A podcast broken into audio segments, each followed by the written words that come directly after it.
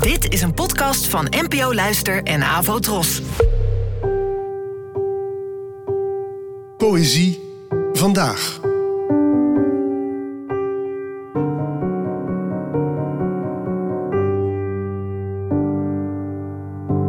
Hallo, dankjewel dat je luistert. Het gedicht van vandaag is geschreven door Eddy van Vliet, die leefde van 1942 tot 2002. Verliefd. Zo gaat het, zo ging het en zo zal het altijd gaan.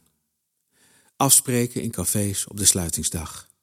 Aan de verkeerde zijde van bruggen staan. Tussen duim en wijsvinger was brandende as het fout begrepen telefoonnummer. Parken te nat, hotels te vol, Parijs te ver, liefde als een veelvoud van vergissingen.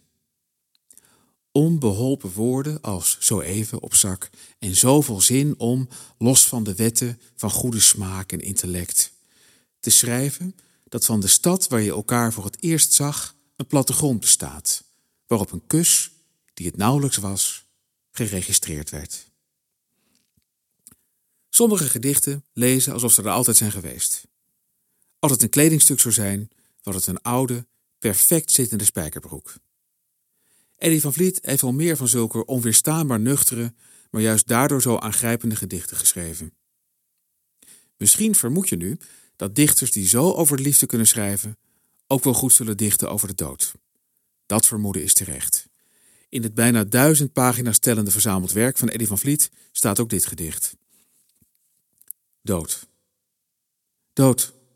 Heb geen angst. Talm niet voor mijn deur. Kom binnen. Lees mijn boeken. In negen van de tien kom je voor.